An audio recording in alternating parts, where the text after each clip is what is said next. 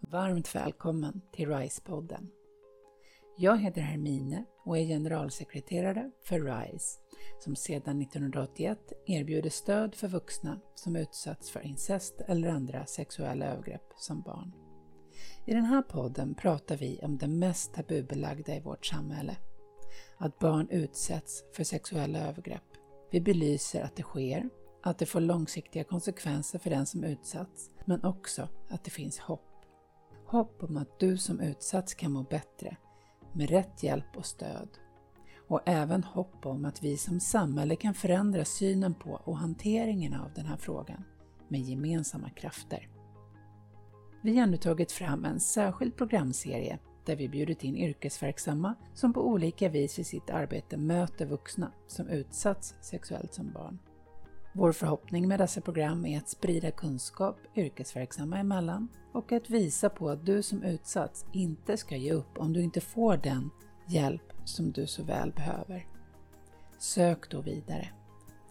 Dessa avsnitt spelades in på distans under en pågående pandemi och jag hoppas därmed att du kan ha överseende med att ljudkvaliteten ibland varierar. Nu lämnar jag över till Agneta Sjödin, vår programledare för dessa avsnitt. Och i det här avsnittet så träffar vi representanter från rättssystemet. Tack för det Hermine. Jag heter alltså Agneta Sjödin och vill hälsa dig som lyssnar välkommen till dessa avsnitt av programserien RISE-podden. För mig är det både stort, viktigt och lite utmanande att ta mig an det här ämnet. Det berör, det skakar om och väcker lätt känslor av såväl obehag som hopplöshet.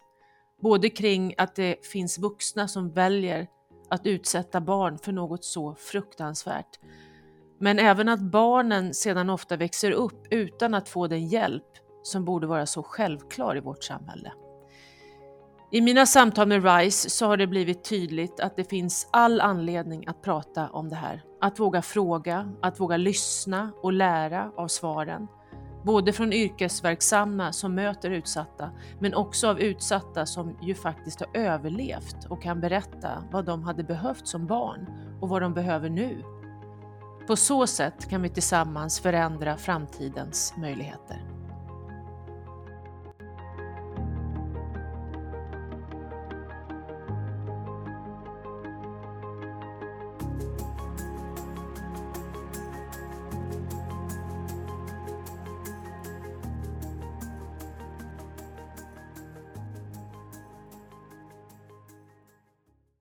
De allra flesta av dem som söker stöd på RISE är idag vuxna och många år har passerat sedan de som barn utsattes sexuellt och det betyder i sin tur att en juridisk upprättelse som kan vara värdefull del i läkningen ofta är svår, men det kan vara möjligt. I det här avsnittet som vi kallar rättssystemet, då ska vi titta närmare på hur det går till för den som vill få upprättelse att gå igenom ett, en rättslig process gentemot en förövare. Vem som gör vad och vad som är viktigt att veta och tänka på. Vår förhoppning är också att på detta vis sprida kunskap, inspirera och utbyta erfarenheter yrkesverksamma emellan. Så nu hälsar jag er alla tre i dagens panel varmt välkomna. Eh, det är Alexandra Bopp, Barbro Sjöqvist och Kerstin Dejemyr. Jag vet att ni alla sitter på mycket bred och djup kunskap som ni var och en skulle kunna fylla ett helt program med, men i detta avsnitt så är vårt fokus på att försöka finna likheter och olikheter er emellan, men även sträva efter att skicka hopp och kunskap vidare till andra yrkesverksamma och till, till eh, alla de vuxna som bär på det tunga bagaget att ha blivit utsatt som barn. Jag tycker att vi inleder med att ge lyssnarna en kort beskrivning av er. Kerstin, du har ju arbetat mycket med just vuxna som utsatts som barn. Vill du börja med att beskriva ditt yrke? Mm.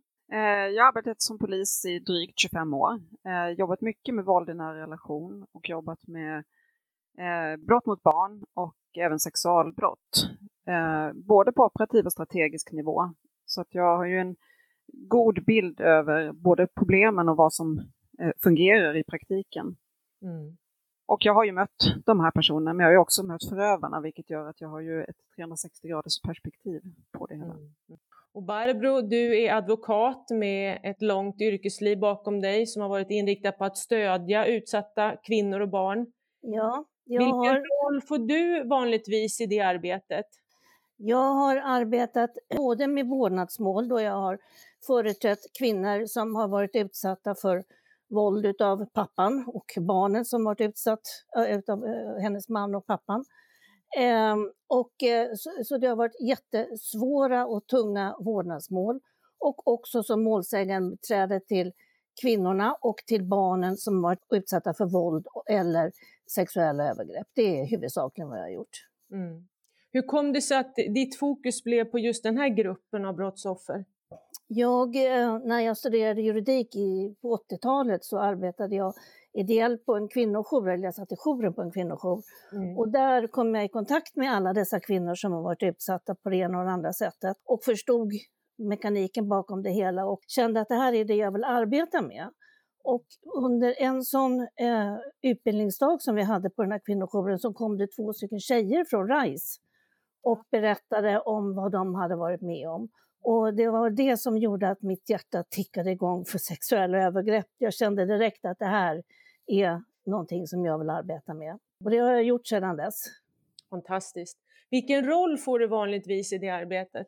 Ja, i, när det gäller de sexuella övergreppen som eh, vuxna kvinnor har varit utsatta för, då är det ju som målsägande beträde. Och då företräder jag dem i rättegångarna. Mm. Alexandra, du är åklagare. På vilket sätt skiljer sig ditt arbete från Kerstin och Barbros? Det skiljer sig markant från Barbro skulle jag säga eftersom mm. Barbro företräder sina klienter och gör det med bara sina klienters intresse för ögonen. Medan jag som åklagare och även då Kerstin då om vi egenskap av polisutredare, vi har ju en objektivitetsplikt. Så vi är inte brottsoffrens åklagare eller polis eh, eller den misstänktes åklagare eller polis för den delen heller. Vi måste hela tiden ha eh, ja, objektiviteten högst i vårt yrke skulle jag säga. Det är väl den, den stora skillnaden och likheten.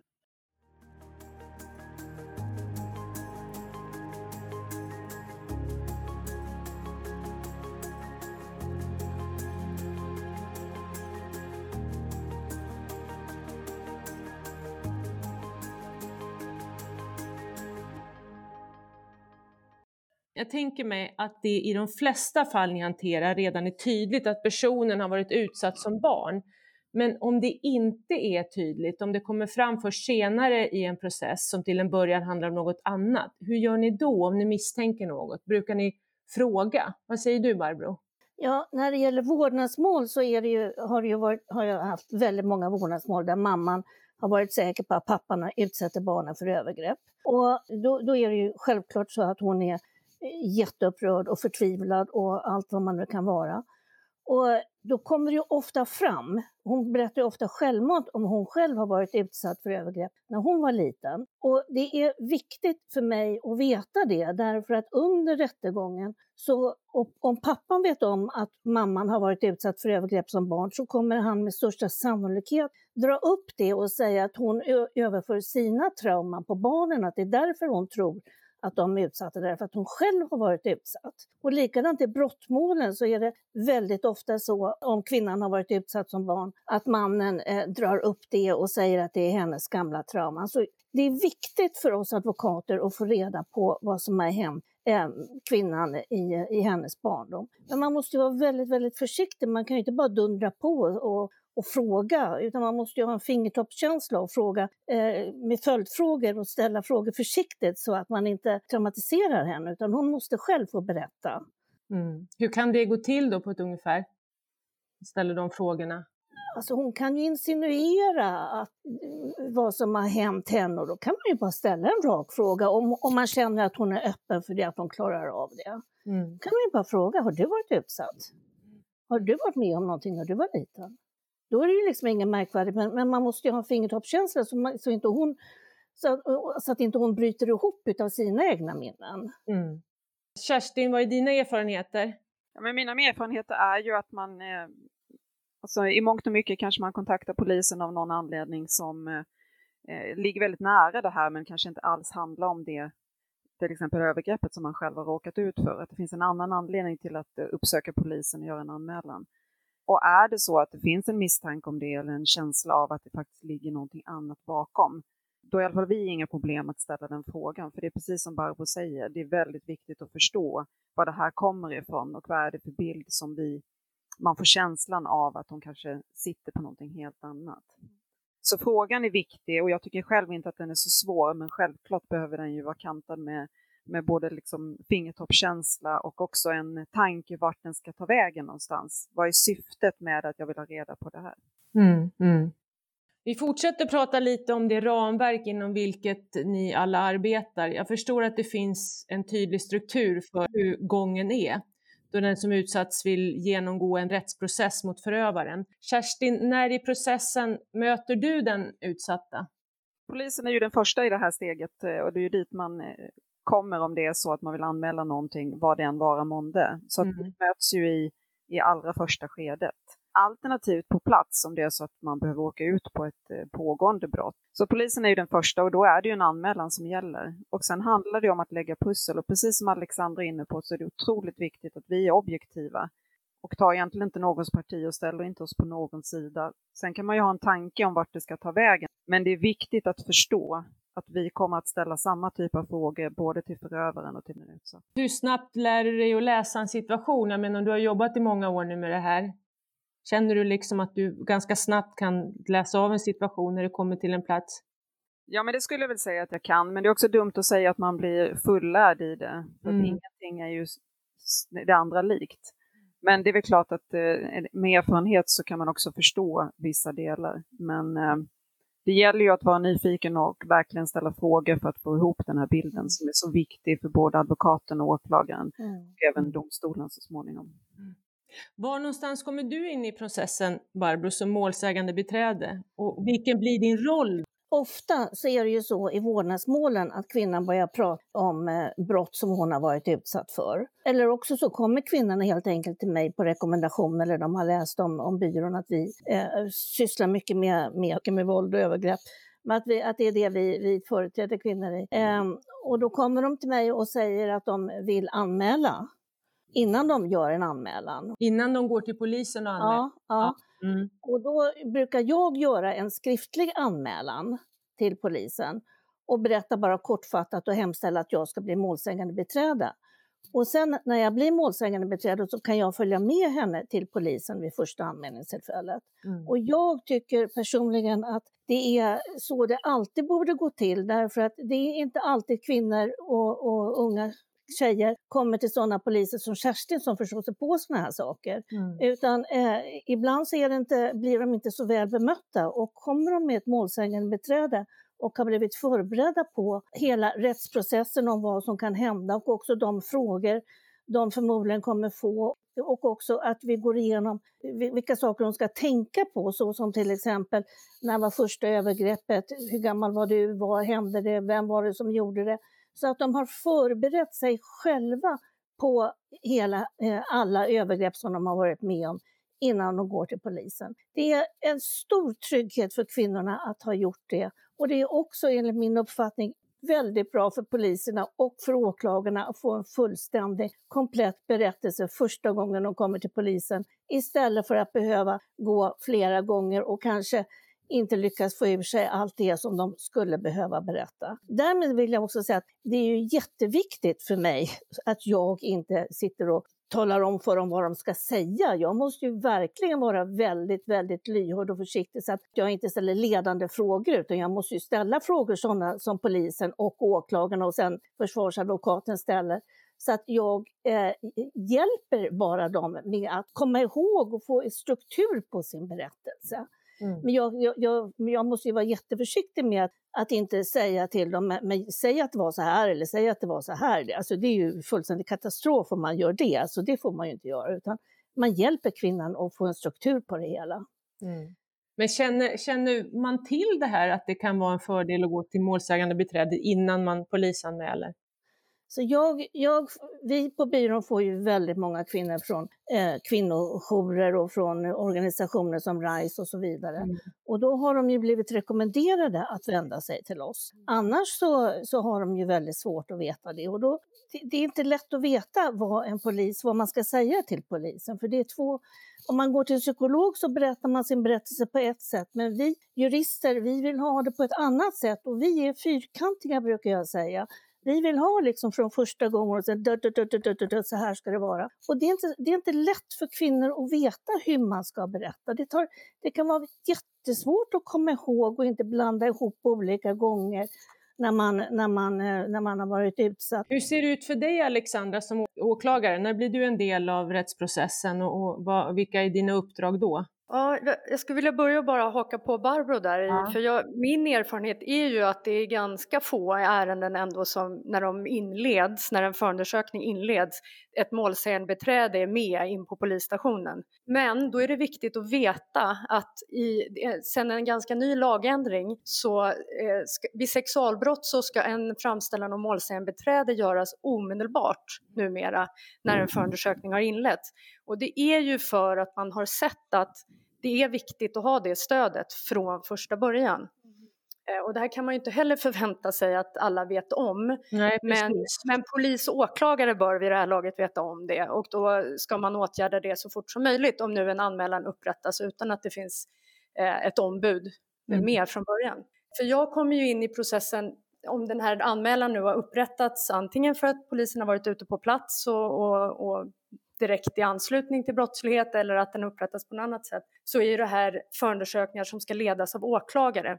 Kan man säga nästan alla sexualbrott och mm. brott mot barn är det. Mm. Även våld i nära relation. Och då ska eh, det här lottas in, som det heter, till Åklagarmyndigheten skyndsamt från polisen. Så att det här kommer ju in till en åklagare och hamnar hos en åklagare som blir förundersökningsledare. Min uppfattning är att det fungerar väldigt väl. Eh, jag ska inte prata för hela Sverige, men där jag jobbar går det väldigt fort. Och ja. då blir jag förundersökningsledare och kommer att leda den här förundersökningen. Och det gör jag genom att ge direktiv till polisen om vilka utredningsåtgärder som jag vill ska göras i den här utredningen. Och sen så har ju vi en kontinuerlig kontakt. Eh, när det är barn, 15 års ålder och yngre brukar vi säga, då är åklagare ofta med och sitter i ett rum bredvid när själva förhören hålls eller via länk, men att man är med live så att säga i realtid. När det gäller vuxna brottsoffer så är vi ju väldigt sällan med. Mm. Utan då är det polisen som håller förhören och vi får dem antingen föredragna eller får läsa dem utskrivna i efterhand. Och så ger vi de här direktiven. Och sen ett av de viktigaste jobben är ju sen att värdera bevisningen. Räcker det till ett åtal? Mm. Kan jag på objektiva grunder motse en fällande dom? Då ska jag väcka ett åtal.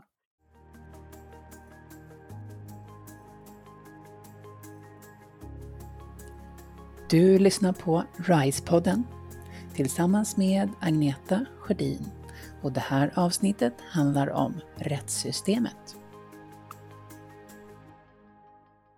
Och hur ser det ut och sen när det väl kommer till domstolen? Vem är det som avgör om förövaren anses vara skyldig och, och sen bestämmer straffet? Hur ser det ut där, Alexander? I tingsrätt så är det ju en juristdomare och tre nämndemän som huvudregel. Är det stora eh, mål så kan det vara flera domare, men eh, en domare och tre nämndemän. Och det är de tillsammans, alla har lika mycket värde i sina röster så att säga när man gör en omröstning efter rättegången. Det är de som bestämmer om åklagarens bevisning har hållit och räcker för en fällande dom. Och då ska det vara ställt utom rimligt tvivel mm. kravet. Så det är ett väldigt, väldigt högt beviskrav. Ja, tufft. Jag såg Barbro räckte upp handen och, och även Kerstin, men jag kanske vi ska börja med Barbro för jag tror ja. först. Jag tänkte bara säga det att det är viktigt för kvinnorna, tycker jag, när de går till polisen, att de också har tänkt igenom den bevisning som finns. Mm. För det vet man naturligtvis inte utav sig själv vad man ska eh, tänka på för bevisning, som till exempel om man har berättat för skolsköterskan när man har varit hos en psykolog eller skrivit dagböcker eller sådana saker. Och det är jätteviktigt att man har tänkt igenom det och också kan ge allt det här till polisen första gången man är där, för då ger man också ett mycket bättre underlag för åklagaren att fundera på om det, om det går att väcka åtal på, det, på den bevisning som finns. Men, men det här vet ju inte kvinnor som inte har pratat med någon utan bara går till polisen och då måste ju polisen börja rodda i det där och då tar det längre tid och blir jobbigare. Ja, ja. Kerstin, vad ville du säga? Ja, jag vill ju förstås säga samma sak, bara att barnen gick ihop där. Ja. Alltså den tekniska bevisningen och hur viktigt den är att man också förbereder vad, vad kan det vara sparat för någonstans? Kan det finnas i telefoner, i eh, sms-kontakter, i datorer, nedskrivet? Eh, vilka har man pratat med? Var har man varit någonstans? Bara precis tuff, tuff process. Mm. En tuff process. Ja, det kanske är någon som lyssnar på detta som är rädd för att våga anmäla med risk för svåra konsekvenser om det kommer fram, inte minst i ursprungsfamiljen. Många utsatta har ju också skyddad identitet och de lever under hot. Vad säger ni, hur kan man vara skyddad vid såna här, en sån här anmälan, Kerstin? Det är klart att det, att det är rimligt att förstå att man vill vara skyddad i det här och att vi man ska veta att hur vi gör, alla i samhället gör vad man kan för att hjälpa till att skydda men det är också ett, en, ett nuläge man utgår ifrån och som man fattar beslut på. Så det är också väldigt viktigt att veta hur ser det ut precis just nu. Sen kan ju skydden ha olika grad och olika dignitet. Du kan ju ha stöd ifrån eh, målsägandebiträdet är ju också ett viss typ av skydd eller framförallt ett stöd, att känna mm. att det finns någon där. Och polisen erbjuder också brottsofferstöd. Sen finns det ju en skala som man kan trappa upp ända då till skyddad identitet eh, och ett väldigt starkt skydd. Men det är ju eh, förstås inte så lätt att få eh, och det tycker jag nog är bra. Eh, men det är klart att det alltid går att få ett skydd om mm. det är så att hotet är så starkt. Då ska man också förstå någonstans att eh, bara för att man har en känsla av att vara utsatt och hotad så kan ju det också kopplas ihop med att man känner en viss skam och skuld. Och det är viktigt att förstå, är det det ena eller det andra? Och mm det behöver man utreda innan man bara kan sätta ett skydd på någon. Mm.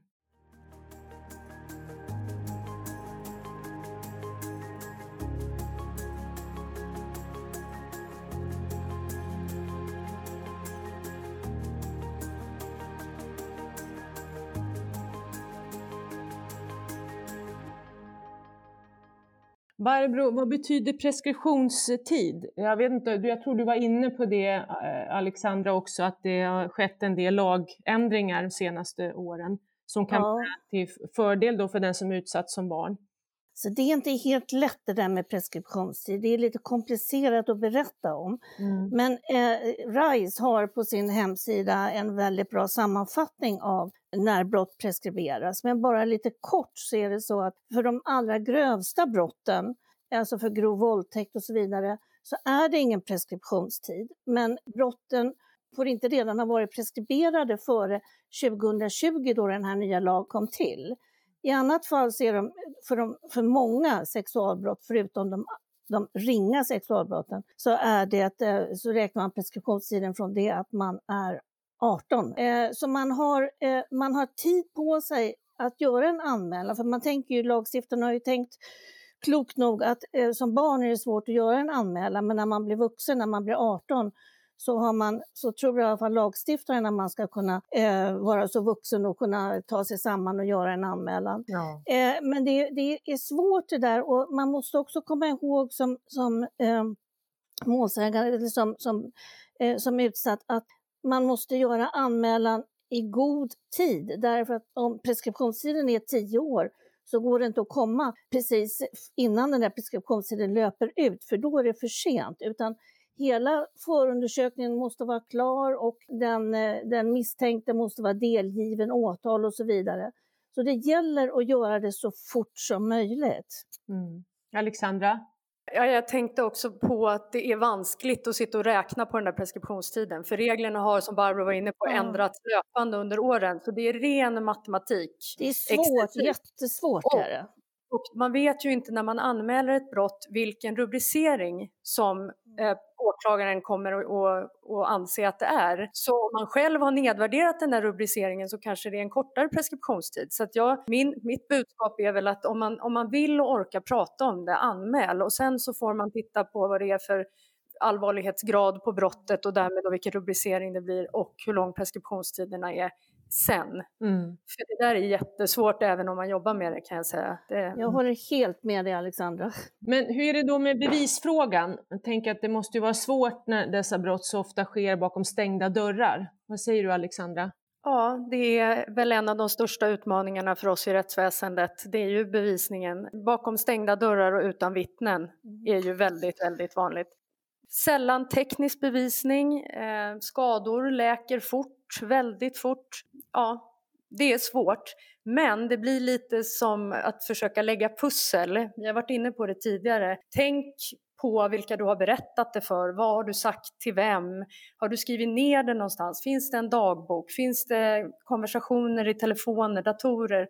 Ofta tycker jag att just i de här ärendena, så när man kan gå till åtal så handlar det om att det är bitar från olika håll som man har satt ihop och tillsammans då med, med målsägandens berättelse tycker uppnår till tillräckligt bra bevisning då för, att, för att väcka ett åtal. Barbro? Ja, eh, jag tänkte säga en sak till, till de eh, kvinnor som kanske fortlöpande utsätts för övergrepp och som lyssnar på den här podden, som kanske inte har vågat göra en anmälan och göra sig fria, eh, så kan man faktiskt spela in en hel del på sin telefon numera. Mm. Och det är ju fantastisk bevisning att ge till åklagaren, att ha ett övergrepp inspelat på sin telefon.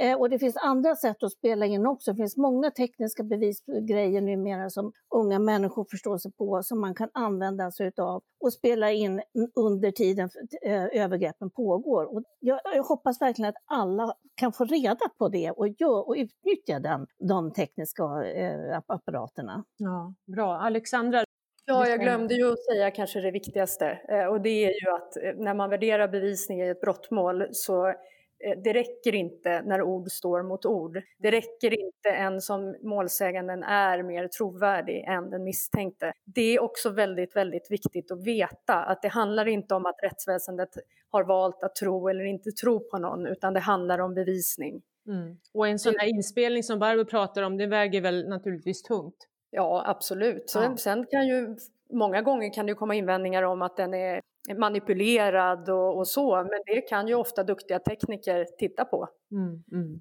Finns det fler saker som ni ser är viktiga för den som är utsatt att tänka på utöver liksom det vi har pratat om, preskriptionstiden?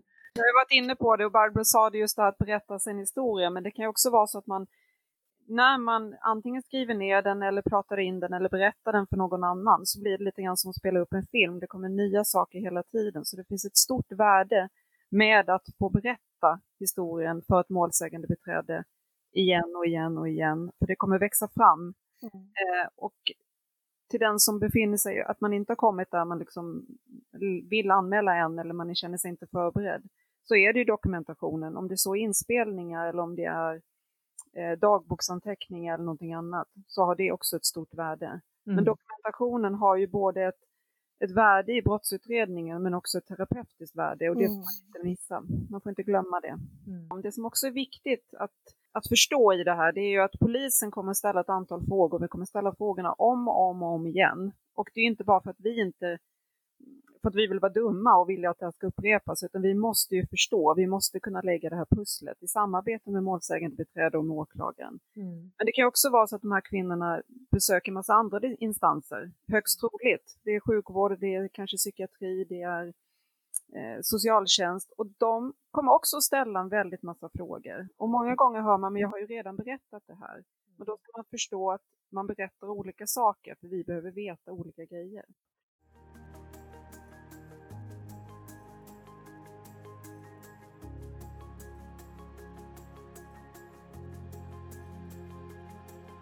Du lyssnar på RISE-podden tillsammans med Agneta Sjödin.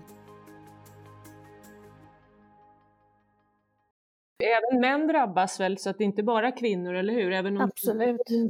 Absolut. Alexandra, är det något som du vill tillägga om det är något som utöver preskriptionstiden, om det är något annat som är viktigt att tänka på? Tankar som dök upp nu när jag hörde Kerstin och Barbro prata var ju till exempel att man har ju rätt att ha med sig en stödperson när man blir hörd av polis till exempel. Det kan vara bra att ha med sig att om den personen man vill ha med sig, om man nu inte mm.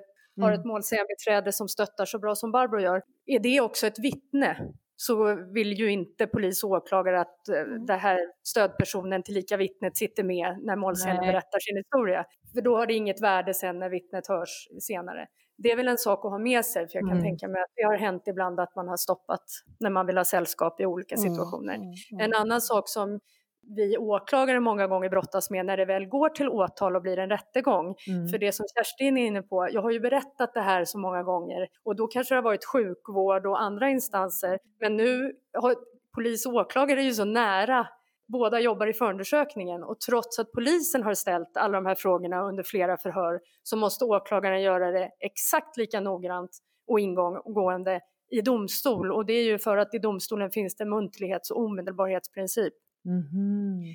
Domstolen sitter inte och läser polisförhören, får inte sitta och läsa ur polisförhören. Och det är också en, en, någonting som är viktigt för målsägandebiträde och åklagare att få målsäganden att förstå väl på plats. Absolut. För där kommer det många gånger kommentarer om att jag har redan berättat det här. Mm. Och det är förståeligt jobbigt att berätta igen. Jättemycket bra och viktig information kan jag tänka mig till de som lyssnar nu. I RISE medlemsundersökning Se mig från 2018 svarade 93 procent att de utsatts för första gången i åldern 0 till 10 år. De allra flesta av en person som stod nära och som skulle skyddat. RISE medlemsundersökning visade också att 70 procent väntade i 16 år eller mer innan de berättade för någon om det de utsatts för. Det innebär i sin tur att det kan ha gått mycket lång tid sedan övergreppen, när de utsatta väl berättar. Det kan förstås göra det svårt att minnas detaljer och tidsperspektiv. Dessutom lider många av en posttraumatisk stress efter att de utsatts och som gör att de har svårt att vara fokuserade och samlade i en stressad situation. Dissociation är också en vanlig reaktion hos den som utsatts som barn. Hjärnan har som en skyddsmekanism trängt undan minnen, kroppsförnimmelser och känslor och så vidare. Och det i sin tur, menar Weiss, kan göra det svårt att berätta minnen och upplevelser på ett sätt som ger en röd tråd som går att följa och som verkar sammanhängande för den som lyssnar. Dissociation kan också göra att den som utsatts får starka känslomässiga reaktioner eller verkar helt avtrubbad. Känner ni igen de här konsekvenserna från de brottsoffer som ni har mött? Vad säger du, Kerstin? Ja, men det är klart att det här känns igen och det är också det som vi har varit inne på lite grann, att man måste tassa lite försiktigt fram mm. eh, utan att för den skull eh, vara mesig, om jag nu får uttrycka det på det sättet. Eh, utan en tydlighet, men också en, eh, en möjlighet att skapa tillit så att man kan känna att man är trygg. Och det är ju också så att så mycket som jag har sett och så mycket som jag har varit med om så det är ändå så att det kan alltid vara mycket värre och det kan alltid vara mycket mer. Eh, och det måste man förstå. att Jag vet inte allt och jag måste lyssna, men jag tror att nyfikenheten hos oss som jobbar med det här är nog en väldigt, väldigt viktig karaktär mm. som eh, man inte får tappa bort.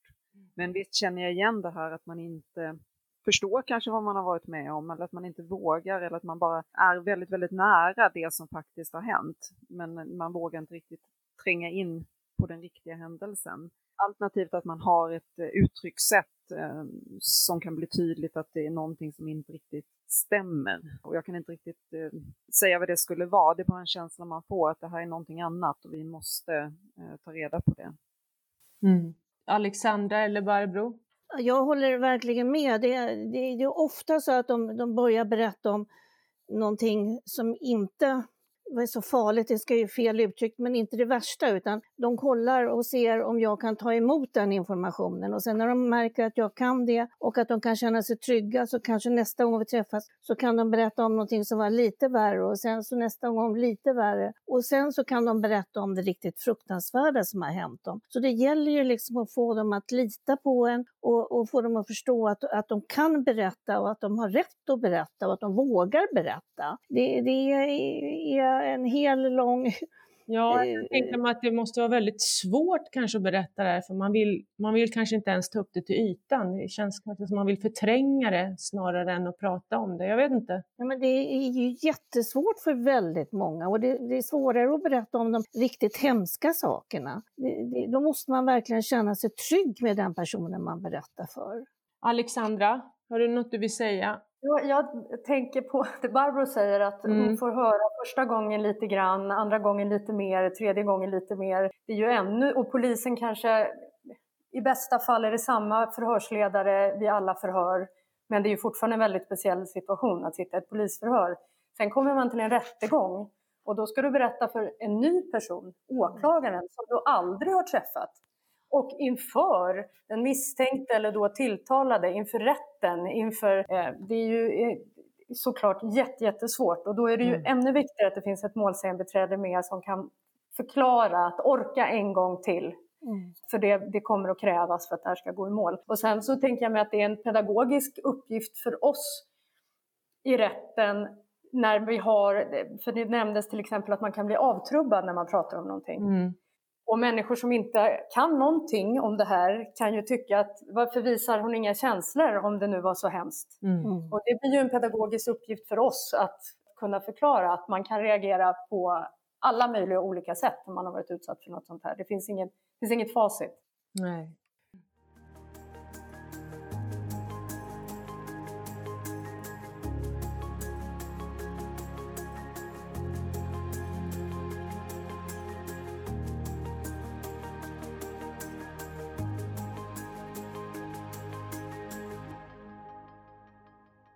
Eh, men enligt RISE så kan man ju skapa då förutsättningar i bemötande som minskar risken för till exempel dissociation. Det finns olika enkla anpassningar som ger utsatta en ökad känsla av kontroll och trygghet och minskar stress. Det kan till exempel handla om att man får välja plats i rummet och välja om dörren ska vara öppen eller stängd. Vad, vad säger du Barbro, finns det saker som du gör eller ser att andra gör för att underlätta så att de utsatta ska känna den här tryggheten och kontroll under rättsprocessen? Ja, alltså när de kommer till mitt kontor så gäller det att försöka få dem att bli så bekväma som möjligt och ha vatten och kaffe och allting sånt och att ha en lugn och, och harmonisk miljö. Mm. Och när man kommer till, till, till polisen så försöker man ju så att de eh, slipper möta så många personer och man, man försöker få in dem till, polis, eh, till polisen så lätt och smärtfritt som möjligt och i domstolen. Så, så får man försöka se till så att det kanske finns vittnesstöd eller några andra stöd som också kan skydda henne och liksom eh, bilda en mur runt henne så att inte förövar, hon möter förövaren i korridoren. Och man kan få ett sånt här advokatrum och eh, komma dit mycket tidigare, alltså kanske en timme tidigare så man inte möter vittnen på motpartens sida eller förövaren själv. Så man får sitta där och ta det lugnt och förbereda sig och varva ner och så försöka få in henne i rättssalen utan att hon stöter på någonting. Det finns ju många saker som man kan göra för att få henne trygg och få henne ja, så trygg som du nu kan gå och stötta. Så, och jag, jag, vill bara säga att till alla som lyssnar så, så är det ju precis som Alexandra säger att det, det är jobbigt att prata inför, ett, inför, eh, inför hela domstolen med förövaren, försvarsadvokaten, åklagaren och alltihopa. Men min erfarenhet är att om man verkligen förbereder sig och vet vad man ska gå igenom så är det förvånansvärt, det har förvånat mig många gånger hur väl kvinnorna klarar av att berätta trots att det är så fruktansvärt svårt och ny situation och de kanske i vanliga fall är jätterädda för att prata inför människor. Men där på något sätt så får de den kraften för att man har förberett så, så att de klarar att ge hela berättelsen. Tips kan ju också vara om man tycker att, för det är ju ofta kanske ganska stora lokaler, det ekar och det man, man, kan faktiskt försöka få se rättssalen i förväg. Mm. Det har jag varit med om några gånger. Att mm. målsägande och målsägandebiträde ser till att vilken sal ska vi vara i nu nästa vecka? Får vi komma in och bara titta? Får jag sätta mig ner och bara känna, hur mm. känns det att vara här? Och Den möjligheten kan, finns alltså? För... Ja, man kan i vart fall fråga ja. domstolarna. Det tänker jag mig borde gå att lösa. För egen del så är det ju så sorgligt att jag har varit med om rättegångar i sexualbrottsmål där jag inte haft en chans att hälsa på målsäganden innan målsäganden kommer in i rättssalen. Kanske för att det är andra åtalspunkter innan och vi mm. har inte haft någon paus. Eh, och det är ju tokigt. Så det är ju viktigt för oss som åklagare att hälsa. Hur gör, du då, hur gör du då om du inte har fått chans att hälsa? Alltså skulle då en målsägande komma in i salen märkbart skakad och tycka att det var jobbigt, då skulle man ju be om en paus. Det mm. får man ju göra. Men som huvudregel så är det ju, hälsar vi som åklagare på målsäganden innan. Jag personligen brukar förklara just det här som jag har sagt tidigare idag. Jag kommer att ställa samma frågor som du har svarat på och förklara varför jag behöver ställa de här frågorna. Mm. Och till exempel, det kan vara en sån sak som att om jag frågar dig någonting om vad du har haft på dig så innebär det absolut inte att det finns någon skuld i det, utan det kan helt enkelt handla om att bevisa ett händelseförlopp. Mm, mm. Nu är det inte speciellt vanligt, men det skulle kunna vara en sån sak. Ja, det kan man det... förklara i förväg så att det inte kommer som Nej, det, det, kan vara bra att veta. Kerstin, inom polisen då, hur kan det se ut där om man ska skapa den här tryggheten och minska stress och så? Mm, det finns ju förstås eh, ett otal eh, möjligheter och sätt att göra, men dessvärre så kan jag ju meddela att det är ganska fyrkantigt. Man, man gör nog inte speciellt mycket eh, nu heller mot vad man gjorde tidigare för att eh, underlätta, utan förskrummen ser ganska lika ut och eh, eh, man ställer egentligen inte ens frågan. Det finns ju en eh, inbillad, liksom, eh, vi har varit inne på det här Barbro, vad vi, vad vi tror är det vi behöver för att bli trygga, men vi ställer sällan frågan vad man behöver. Men det är klart att man kan vara både ute och inne. I förhörssituation så innebär det ju egentligen bara att man ska få den berättelsen. Det finns inga krav på var den ska vara någonstans. Mm. Men eh, det finns... kan det bli bättre? Det kan verkligen, verkligen bli bättre. Eh, men man kan också med hjälp kanske av målsägandebiträdet försöka få till var vill jag vara någonstans och hur vill jag att det ska gå till och det har man kanske bara bestämt att det skulle vara lättare att sitta i en soffa och prata än att sitta vid ett skrivbord. Men eh, det finns ju de möjligheterna. Eh, men används ju när, det, mm. när de är lediga skulle jag säga. Det känns som ett målsägande beträde har en viktig roll att fylla här. Mm.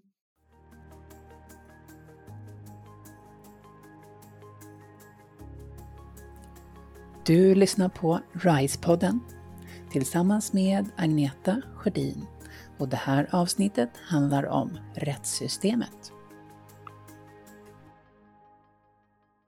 Jag ska läsa några korta citat från, utsatta på RISE som jag tänker är värdefulla. Här kommer första citatet.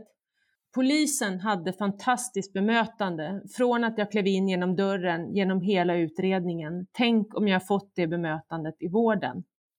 var första citatet. Det andra är jag vågade till slut anmäla, det kändes så viktigt. Jag lyckades inte, det hade gått för lång tid. Men jag kände mig så trodd och respekterad och jag kunde förstå varför det inte var möjligt. Bemötandet jag fick har blivit en viktig del i min läkning.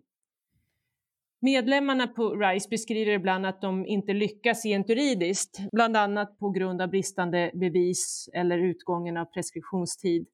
Men de säger också att ett gott bemötande i den juridiska processen har varit ovärderlig och verkligen bidragit till den läkningsprocessen, oavsett det, det juridiska utfallet. Det är ju fantastiskt värdefull information, tänker jag, för er att höra också. Och hur ser ni på vilka behov utsatta har i bemötandeprocessen? Alexandra? Jag, jag vet ju att det inte är, alltså, när, om vi pratar sexualbrott i allmänhet och pratar vi sexualbrott som är begångna för många, många år sedan så gäller ju det ännu mer där. Det är inte många som går till åtal. Mm. Och även om det går till åtal så blir det inte alltid fällande dom. Så att det, eh, det är väldigt hopp, det, det, känns väldigt, väldigt bra att höra att det ändå kan ha varit en del i en läkningsprocess även om man inte har fått juridisk upprättelse. För vi vet ju att verkligheten ser inte alltid ut så att man får juridisk upprättelse. Jag vill säga igen, det handlar inte om att rättsväsendet eller jag som åklagare tror eller inte tror, utan det är ett rent högt satt beviskrav. En viktig sak i, i det är, är också att eh, då får eh, kvinnorna en chans att tala om för förövaren vad de känner och vad de har upplevt. Mm. Och de vet, får då, får då möjlighet att verkligen tala om för honom, eller om det nu är en, en hon, eh, vad som, hur de har upplevt det. Och det är också väldigt, väldigt bra för själen att få tala om för sin förövare, så här illa har du gjort mig. Även om han inte blir fälld så kan de i alla fall få ut det som de inte skulle kunna säga på något annat sätt mer än i en rättsprocess. Mm. Jag tycker att jag under en lång period i media så blir det mer och mer och mer diskussioner om alla de fall som går snett mm. av olika anledningar. Man eh, har inte blivit rätt behandlad eller det har blivit fel juridiskt eller vad det kan röra sig om. Jag tror att bilden som kommer ut där är skev. Eh, för att vi hör nästan bara just om brottsoffer som inte är nöjda med att de har polisanmält. Mm. Frågan ställs, tycker jag, väldigt ofta, varför ska man polisanmäla en våldtäkt? Det blir ju ändå aldrig någonting. Eh, och jag tycker att det är lite synd. Jag, jag För det, stäm, att... det, stämmer inte, menar du, den bilden? Det är en mediabild? Ja, så min, det jag kan berätta om från min verklighet det är ju att jag faktiskt visst väcker åtal och jag visst får fällande domar. Men när jag läser och hör det citaten från Rice det här är ju människor som har varit utsatta, som inte har fått fällande domar, som ändå upplever att det var värt att anmäla. Och det tycker jag nästan aldrig framkommer på andra ställen. Så det tycker jag är viktigt att lyfta. Mm. Sen kommer ändå inte alla som har varit utsatta orka eller vilja och det behöver man inte göra. Men om man orkar och vill, anmäl. Mm, mm. Det, det, tycker jag är ett ja, viktigt budskap. Bra, bra. Var det något du vill säga Kerstin? Ja, men det var egentligen bara en replik på det som eh, Alexander var inne på, att man hör att det inte är någon idé eller någon mening att anmäla eller att, eh, att ens berätta att man har varit utsatt. Om man tänker så och man inte fortsätter, det innebär det att man någonstans inte eh, tror på det rättssystem vi har. Och vi måste tro på det och vi måste tro att det kommer att kunna fungera. Men vi behöver ju också få in de här berättelserna för att det ska finnas en rimlig chans att vi faktiskt ska kunna hjälpa till i de fallen det faktiskt kan gå hela vägen till en fällande dom. Men får vi inte veta någonting så innebär det väldigt mycket tapp, både vad det gäller resurser och ekonomi i, de, i rättssystemet som jobbar med de här delarna. Men har anmälningarna ökat på senare tid? Jag tänker på hela den här metoo-vågen också. Det, det, är ju en annan sak, men det är också övergrepp. Men, det, men har det ökat generellt med anmälningar, att folk vågar mer idag? Eller orkar? Det vet jag faktiskt inte. Jag tror det. Mm. Men jag vet inte om det finns en, en ökning av metoo på grund av metoo eller om det är den nya samtyckeslagstiftningen som mm. ju kom eh, när det gäller sexualbrotten. För att det är ju faktiskt så att då är det fler gärningar som har blivit brottsliga.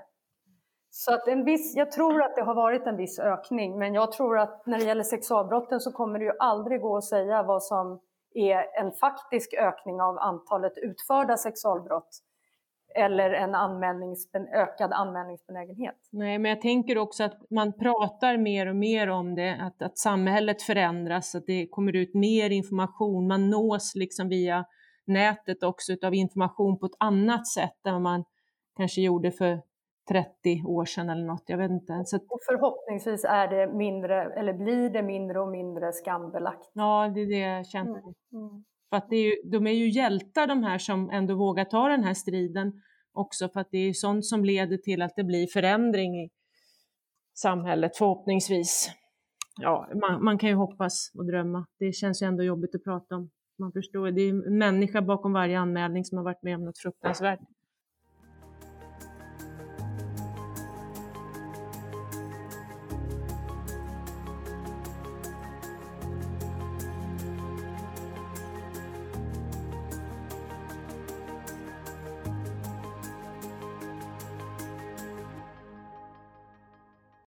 Om ni får tänka fritt, vad tror ni då att den som varit utsatt skulle behöva om förutsättningarna fanns?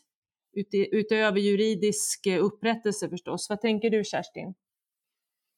Vad man skulle kunna addera som inte finns idag och man får önska fritt, det är ju en person som faktiskt kan följa med genom hela rättsprocessen men även i andra instanser. Målsägandebiträdet eh, finns ju med eh, liksom i brottsförfarandet. Men det kanske är så att de här personerna skulle behöva stöttas, stöttas även på andra håll. Mm. I sjukvården till exempel. Mm. Barbro?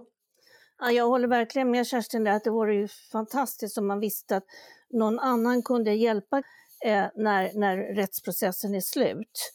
För i och med att rättsprocessen, att rättegången är slut så är också mitt jobb som målsägande beträde slut. Och de, deras behov av hjälp slutar ju inte där, så de behöver verkligen mycket hjälp. Men jag skulle ju också verkligen vilja att lagstiftningen ändras så att vi blir förordnade målsägande beträde innan anmälan görs så att vi kan eh, hjälpa på, på bästa sätt. Och jag skulle också eh, vilja att, det är ju så att eh, alla advokater som vill vara målsägande beträde anmäler sig på listor till tingsrätten och sen så väljer, tar tingsrätten den ena efter den tredje efter den fjärde oavsett om dessa advokater är särskilt lämpliga som målsägande beträde. Och det borde verkligen bli ett större kontroll på att målsägande beträden kan sitt jobb och gör ett bra jobb. För att jag har stött på rätt många målsägande beträden som jag verkligen inte tycker har gjort ett särskilt bra jobb. Mm. Och då vill jag också nu passa på att säga till alla de som lyssnar att om ni nu ska anmäla ett brott, se till att ni väljer ett bra målsägande beträde. Därför att det kan man få välja själv. Man kan inte välja polis, man kan inte välja åklagare, men man kan välja målsägande beträde. Det är ju sällan som någon vet vad, ens gång vad ett målsägande beträde är. Man, då, då är mitt råd att ringa till kvinnojouren på den orten där man bor eller den stad där man bor och fråga dem vilken advokat de kan rekommendera som målsägandebiträde. Och sen ta med sig det namnet höra av sig till den advokaten och fråga om de kan bli målsägandebiträde fråga möjligtvis om man kan få träffas innan man gör anmälan. Eller åtminstone att man har med sig det namnet när man går till polisen och säger till polisen att den här advokaten vill jag ha som målsägandebiträde. För då ser polisen till att så småningom att den advokaten blir förordnad och så får man ett bra målsägande beträde. Mm. För det är ju viktigt att ha någon som, som stöttar och stödjer en under hela processen och kan hela rättssystemet och förstår brott och, och övergrepp. Mm. Ja, absolut, självklart. Eh, har ni fått eh, den kunskap som ni har nu i era professioner, hur har ni fått Har ni liksom sökt den kunskapen själv? Vad säger du Kerstin? Eller fick du det här i din utbildning i, som till polis eller har du sökt upp den själv? Ja, men det har jag väl, det är väl, svaret är väl både och på det där. Jag jobbade fem år inom psykiatrin innan jag blev polis och mm. eh, sen inom polisen har jag jobbat både med operativt och eh, även med utbildningar och har väl hela tiden egentligen haft en röd tråd i de här delarna så att jag har ju varvat eh, praktik och teori och utbildningar. Men polisen som sådant erbjuder ju egentligen inte utbildning generellt i det här utan det är ju ett egenintresse i så fall. Mm. Sen är det klart att den erfarenhet man lägger på med år innebär ju att man har man jobbat i många år så får man erfarenhet, så är det ju. Mm. Men eh, man får nog söka sig utbildningen själv. Hur har det varit för er, Alexandra och Barbro? Om jag börjar med dig, Alexandra. Ja, alltså när jag, nu är det ju ett antal år sedan jag gick juristlinjen, men då fanns det ingen utbildning just inom själva juristlinjen om de här frågorna. Eh, däremot har Åklagarmyndigheten ganska mycket utbildningar, eh, både under grundutbildningen inom både sexualbrott, brott mot barn, våld i nära relation eh, och sen finns det då vidareutbildningar mm. som man kan gå. Mm. Sen är det ju så att det är inte obligatoriskt att gå dem och det är klart att runt om i landet så kommer in mycket ärenden så kommer åklagare som inte är speciellt vana vid de här ärendena att få jobba med dem. Mm. Så ser ju verkligheten ut, men man strävar efter att ändå ha åklagare med mycket utbildning i de här frågorna. Mm. Sen är det ju så, har man ett specialintresse, då finns det ju hur mycket kunskap som helst att suga åt sig. Då är det ju mer en fråga om eh, tid att hinna med. Ja, ja, visst. Barbro? Ja. Jag, jag fick ju inte heller lära mig någonting. Jag tror inte namn, eh, ordet incest nämndes när jag gick eh, på juristlinjen. Men jag har ju lärt mig när jag, när jag var jourkvinna på, på, jouren, på kvinnojouren och sen har jag ju lärt mig av alla kvinnor som jag har träffat och gått på alla konferenser och seminarier och kurser som jag möjligtvis har kunnat hitta. Så jag har ju också lärt mig med åren utifrån de likasinnade som också är intresserade av de här frågorna. Eller det finns ju inga kurser för advokater som, eh, som handlar om hur man eh, bemöter kvinnor på ett bra sätt. Det finns kurser om målsägande beträde men det, eh, de eh, ger inte så mycket stöd för advokater. Så det är dåligt med utbildning. Alexandra, skulle du säga att det finns kunskap och förståelse generellt inom ert skrå och inom domstolsväsendet för denna problematik? Ja, det skulle jag. Sen ja. vet jag att det brister inom Åklagarmyndigheten också, absolut. Och vi ska aldrig nöja oss med att vi kan tillräckligt, utan vi ska alltid bli bättre. Och det skiljer sig kanske från hur intresserad man är i olika delar av landet. Men det finns absolut kunskap och förståelse. Det finns det även inom domstolarna, även om min bild där är att där specialiseras man, man säger ännu mindre. Där är man ännu mer generalist än vad vi åklagare är. Ja, det, man kan aldrig få nog med utbildning och kunskap, så är det. Och, och, grunden där jag tycker att vi skulle komma åt mycket av det här, det är om vi bara prioriterade lite bättre. Mm. De här frågorna måste upp på dagordningen mycket mer än vad de redan är idag. de är redan där, men de måste upp mer och de kan inte alltid bli nedprioriterade i förhållande till gängkriminalitet eller organiserad brottslighet eller vad det nu handlar om. De får alltid ta ett steg tillbaka när någonting annat händer. Mm. Och min bild är också att det behövs specialister här. Alla polisutredare är inte lämpade att utreda en våldtäkt eller mm. hålla förhör med ett brottsoffer. Eh, och det är kanske inte alla åklagare heller är. Man måste tycka att det är intressant, annars kommer man inte att hantera de här ärendena på allra mm. bästa sätt. Det är min personliga uppfattning. Det är mm. inte Spe mer specialister liksom. Du, du har redan svarat lite grann på nästa fråga om det här med kunskapshöjande insatser och samverkan och, och tankar kring hur det skulle gå till. Eh, vad, vad, säger du om det Kerstin? Behovet eh. av kunskapshöjande insatser och, och tankar till hur det skulle gå till? Jag vet att det alltid finns kanske behov av kunskapshöjande insatser. Jag ska väl säga samma sak som Alexandra, att jag tror att eh, kunskapen i sig är egentligen ganska hög om det här eh, mm. och har blivit över åren. Eh, I alla fall förståelsen, men också förståelsen för problematiken, vilket innebär att det finns en enorm rädsla att göra fel. Det är där många delar jag tror att många backar undan, alltså poliser som eh, kanske faktiskt skulle vara lämpade i det här, eh, inom det här området. Men sen handlar det också om prioriteringen, precis som Alexandra är inne på också. Mm.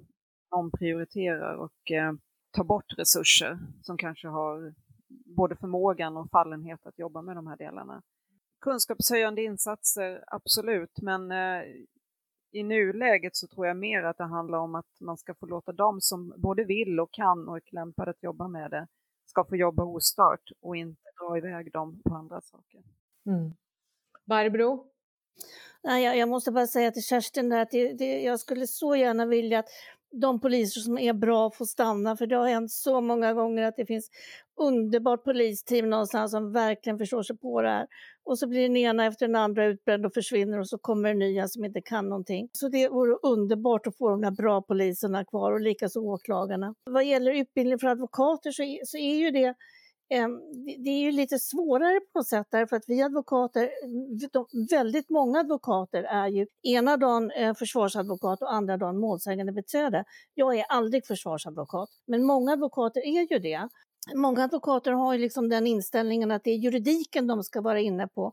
De ska hjälpa kvinnan eh, via, genom förhören och sen så skadeståndet. Men glömmer bort det här eh, psykiska som är så oerhört viktigt att få henne att orka och stötta och stödja och hålla upp henne. Och det är ju många advokater som inte anser att det är vårt jobb, tror jag egentligen. Så att de, de slarvar igenom det där. Så det är eh, svårt, tror jag, också att ha utbildningar för advokater. Och de, de utbildningar som, som på något sätt berör det här, det är bara sådana advokater som redan är bra, tror jag, som går på dem. Mm.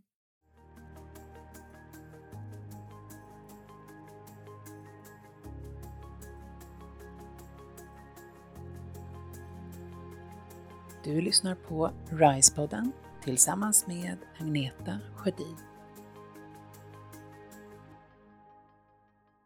Kerstin, jag vet att du har satt ord på vikten av att alla tar ansvar för att hjälpa den som utsatts framåt i processen och vidare till nästa steg. Finns det något särskilt du ser borde ske där? Nej, men det jag tänker är ju att om vi, vi ponerar att alla resurser i samhället, alltså alla aktörer i samhället som jobbar kring den här kvinnan gör exakt det de ska och det vet vi att så är det inte ens. Men om man tänker tanken att man gör exakt det man ska så är det ändå så att i slutet av ansvar och sekretesser och beslut så står det här kvinnan eller den utsatte kvar i någon form av gråzon. Mm. Eh, när alla har gjort exakt det de ska inom sin profession eller inom sitt ansvar så saknas det ju någonting däremellan.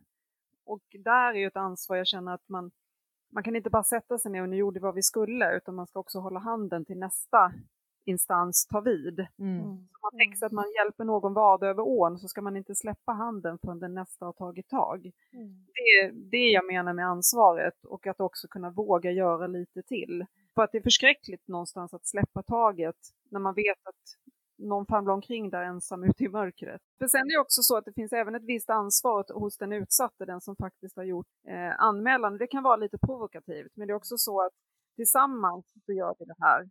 Men man kan inte heller bara släppa taget som utsatt, utan vi gör det här ihop. Men man ska också förstå och känna att alla finns där runt omkring. Mm. Mm. Ja, det var det du var inne på också Barbro, lite att det, mm. det är lite mm. blandat där. Ja, ja. Men när rättsprocessen är färdig, finns det något stöd att få från samhället eller upphör stödet då? Då upphör allting det, är ju vårt jobb som advokater att se till så att kvinnan vet hur hon ska söka, ansöka om skadestånd till exempel till Brottsoffermyndigheten. Och, ja, hela den här gången, först till Kronofogden, sen till försäkringsbolaget och sen till Brottsoffermyndigheten. Men det är ingenting som vi får betalt för så det här måste vi se till att vi gör ideellt och hjälper det. Och jag tycker att det är jättebra att ha en stödkvinna med från en kvinnojour eller en organisation på det ena eller andra sättet så att man, man vet att den här kvinnan får hjälp i framtiden, precis det som Kerstin pratar om. Men ibland så finns ju inte det och ibland så vill inte kvinnan och då, då, då blir hon ju bara helt ensam. Och det är ju fruktansvärt. Det, det, det känns ju hemskt för mig att, veta att om jag hjälper kvinnan hem efter en rättegång och veta att nu sitter hon där ensam och inte har någon att prata med. Ja, för det måste ju vara massor med saker som kommer upp när man har gått igenom en sån här process. Det måste ju hända ja. massor med och, och det är ju inte alltid som, eh, alltså jag skulle vilja att domen skickas till mig som målsägande beträde och att jag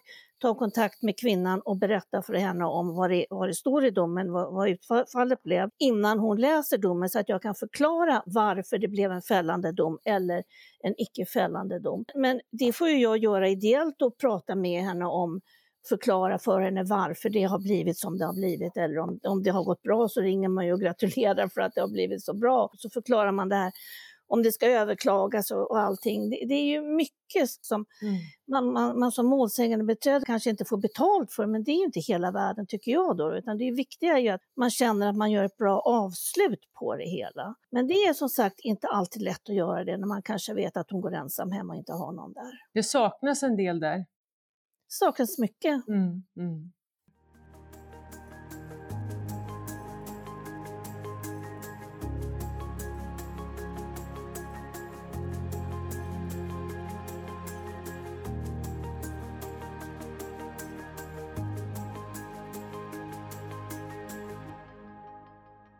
Jag förstår ju att ni får ju höra och vara med om fruktansvärda berättelser och det måste vara en hel del känslor och ni påverkas ju i ert arbete också. Kerstin, vill du berätta någonting hur du har påverkat dig i ditt arbete? Nej, men det är väl klart, alltså själva arbetet kanske inte har påverkat, snarare är det mer att jag har slagit ner på takten och att det handlar om att eh, eh, betrakta det lite grann på sidan av för att verkligen få in eh, den historien som den utsatte och när jag arbetade som polis även förövaren berättade. Mm. Men det är klart att som person så har det ju påverkat mig något enormt. Mm. Det skulle jag ju ljuga om jag sa någonting annat. Mm. Uh, men jag ser det också som en uh, som någon form av gåva, att jag har fått möjlighet att, att vara med om allting och att jag mm. också kan använda det i det som jag jobbar med idag. För mig så är det ju så att ibland mellanåt kanske jag skulle vilja bo i den eh, ljusblåa världen och tro att det värsta som händer är det som står i tidningen, men ja. så ser det riktigt ut. Men det gör ju också att jag vågar gå in i eh, berättelserna mycket, mycket snabbare än vad jag kanske vågade för många år sedan. Mm. Jag vågar ställa de jobbiga frågorna på ett mm. ganska bra sätt. Men du har, när du jobbade inom polisen, fanns det något stöd man kunde få där eller fick man liksom hitta det här stödet själv på något vis med sin partner eller vänner eller terapi? Ja men så är det, precis så är det. Det finns, eh, man startade eller har gjort i olika omgångar något som man kallar för yrkeshandledning och det har aldrig riktigt fungerat utan det är ju kollegor eller ens partner som får bli det stödet. Mm. Eh, så är det. Jag slutade 2018 och började 92. Under den tiden så fanns det inte något fungerande yrkeshandledning i varje fall. Nej. Sen ska jag inte säga att det kan ha fungerat på vissa platser och små orter, absolut. Mm. Men, eh, ja, din erfarenhet. Min erfarenhet. Och Barbro, du har ju en egen byrå. Hur hanterar du de här svåra upplevelserna och berättelserna? Ja, alltså, vi pratar med sinsemellan, kollegor sinsemellan mm. tycker jag. Och vi, har ju, vi arbetar ju allihopa bara med sådana här ärenden så att vi, vi kan ju verkligen stötta. Vi vet ju att om man berättar någonting så förstår ju de andra vad som händer. Mm. Eh, så att, och sen när man har jobbat så här länge och hört så väldigt många berättelser och så fruktansvärt många hemskheter så har man ju också lärt sig att hantera dem. Eh, I början så blir man ju väldigt, väldigt eh, berörd. Liksom man, det, det, blir jag ju fortfarande, men, men, då går man ju helt upp i alla de här berättelserna som man hör. Mm. Men man lär sig med tiden, man måste lära sig med tiden, för gör man inte det då kan man inte jobba med sådana här saker. Nej. Så man lär sig och sen så får man eh, så, så hör man så väldigt, väldigt mycket och sen är de så de är ju så underbara de här, så tappra och man känner att de att de kan, kan klara sig i livet för det mesta. Det är väldigt, väldigt givande att, att jobba med, med eh, den här typen av ärenden. För man, kan, man får mycket och man kan ge mycket. Så det är, ja, det, det är mycket, mycket, mycket positivt. Ja, jag blir alldeles rörd när du berättar. Jag tycker det är fantastiskt. Alexandra, vad finns det för stöd inom åklagarmyndigheterna för att man ska orka igenom de här tuffa fallen? Vi debriefar ju också mycket sinsemellan, kollegor. Mm. Pratar mycket om ärenden och, och dels bollar frågor i ärenden men också kan man ju bara sätta sig ibland och bara få pusta ut hos någon annan. Eh, sen finns det möjlighet till det, det som kallas handledning.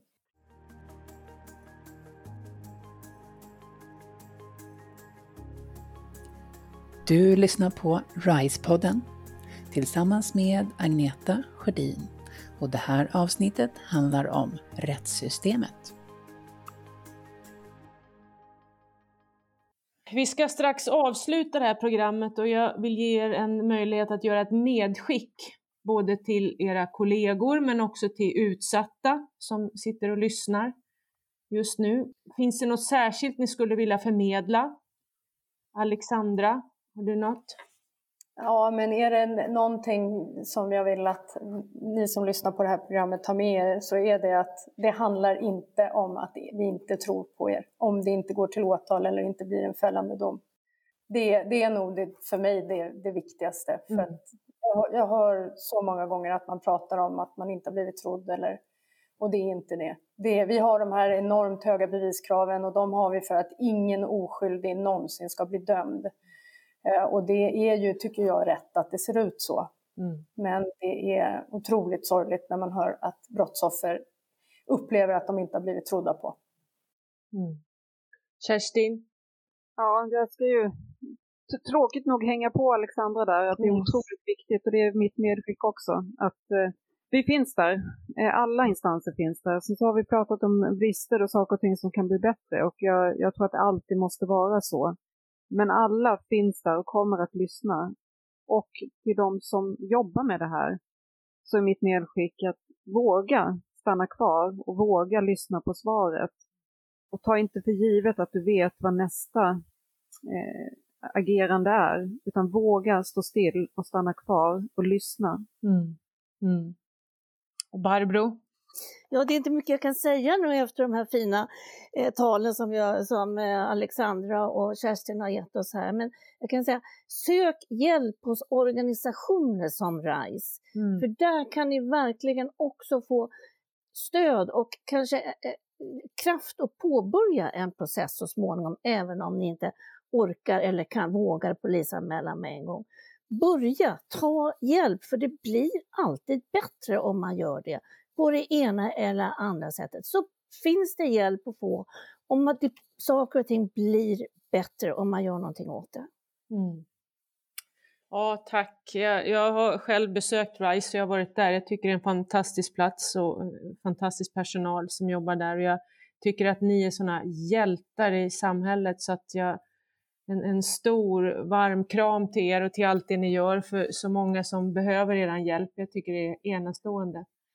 Och tack också för att ni tog er tid idag och, och ses här över nätet och prata om de här sakerna. Och jag hoppas att ni som lyssnar där ute känner att ni har fått till er jättemycket som kan hjälpa er framåt.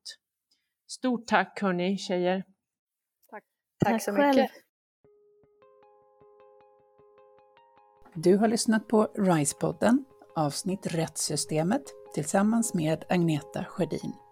Vill du ha mer information om RISE arbete besök www.rise-sverige.se och du missar väl inte våra andra avsnitt i den här programserien.